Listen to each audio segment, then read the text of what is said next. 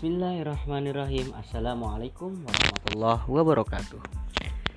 Kembali lagi bersama saya Umar Aziz. Dalam kesempatan kali ini saya akan menjelaskan tentang Ketentuan Pembiayaan KPR Syariah Dengan akad murabahah Mari kita simak. Akad murabahah pada pembiayaan KPR Murabahah adalah proses jual beli suatu barang di mana penjual menjelaskan harga pokok dan besarnya keuntungan yang disepakati. Karena dalam definisinya selalu disebut adanya keuntungan yang disepakati, maka murabahah mempunyai ciri penjual harus memberitahu pembeli tentang harga pembelian barang dan menjelaskan jumlah keuntungan yang diambil. Dalam jual beli murabahah ada beberapa ukuran atau ada beberapa rukun yang harus dipenuhi di antaranya baik penjual, pihak yang memiliki barang, mustari, pembeli, mabi, barang yang akan diperjualbelikan. Saman, harga, ijab kabul, pernyataan serah terima itu antaranya. Untuk memberitahu gambaran alur transaksi murabahah secara umum dapat dilihat sebagai berikut.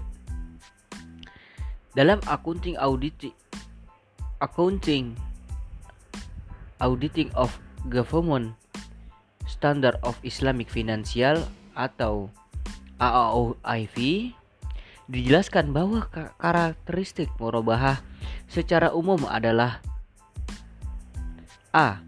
Bank Islam harus memberitahu tentang biaya atau modal yang dikeluarkan atas barang tersebut kepada nasabah. B. Akad pertama harus sah. C. Akad tersebut harus bebas riba. D. Bank Islam harus mengungkapkan dengan jelas dan rinci tentang ingkar janji atau one prestasi yang terjadi setelah pembelian. E. Bank Islam harus mengungkapkan tentang syarat yang diterima, syarat yang diminta dari harga pembelian kepada nasabah. Misalnya, pembeli berdasarkan kredit angsuran, jika salah satu A, D, atau E tidak terpenuhi, maka pembeli harus mempunyai pilihan untuk A melakukan pembayaran penjualan tersebut sebagaimana adanya. B. Menghubungi penjual atas pembedaan dalam kurung kekurangan yang terjadi atau membatalkan akad. Tinjauan Fatwa DSN MUI tentang murabahah. Fatwa yang, yang berkaitan dengan murabahah khususnya fatwa yang pedoman umum penerapan prinsip syariah dan melakukan pelaksanaan akan dirujuk terhadap fatwa yang fatwa tentang murabahah yaitu DSN MUI nomor 04 garing DSN strip MUI garing 4 garing 2000 ini dikarenakan fatwa tersebut merupakan fatwa paling awal dari fatwa yang berkaitan dengan murabahah dan juga merupakan fatwa rujukan bagi penerapan prinsip syariah. Menyangkut murabahah, dalam isi fatwanya terdapat empat bagian dalam sistematika.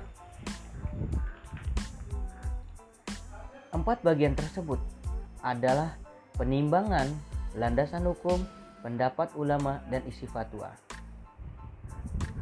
Ketentuan umum murabahah dalam bank syariah. Pada Bank Muamalat KC Surakarta, proses berlangsungnya akad sesu sudah sesuai dengan syariat Islam. Namun dalam prakteknya ada beberapa perkara yang belum dilaksanakan secara sempurna, terutama dalam penyebutan harga al-thaman. Dan proses berlangsung sigoh pihak pihak bank belum mengaplikasikan dengan sempurna. Seharusnya dalam penyebutan harga diri dalam penyebutan harga seperti yang dinyatakan oleh sebagian fuqaha seperti Ibnu Abidin bahwa harga adalah kadar kadar balasan yang dibeli dengan atas dasar saling kerelaan atau dengan kesepakatan bersama. Namun dalam prakteknya, perhitungan besarnya keuntungan yang diminta oleh pihak bank tidak berdasarkan kesepakatan bersama. Dalam menentukan margin, laba penuhnya dilakukan oleh pihak bank muamalat sendiri tanpa ada musyawarah dua belah pihak, yaitu pihak bank dan nasabah. Penentuan secara sepihak ini diperbolehkan karena dalam akad harus ada keterbukaan dan adanya saling ridho dari dua belah pihak. Karena hukum asal jual beli semuanya adalah boleh apabila disadari atau disasari saling keridoan. Jaminan dalam murabahah Praktek tentang jaminan pada bank muamalat ini mengharuskan setiap nasabah yang mengajukan pembiayaan murabahah menyertai menyertakan dan disertai jaminan hal tersebut dibolehkan oleh fatwa DSM, DSN MUI nomor 4 tahun 2002 ini eh 2000 2000 ini tentang jaminan dalam murabahah. Begitu pula berdasarkan hukum Islam, jaminan atau angsuran diperbolehkan.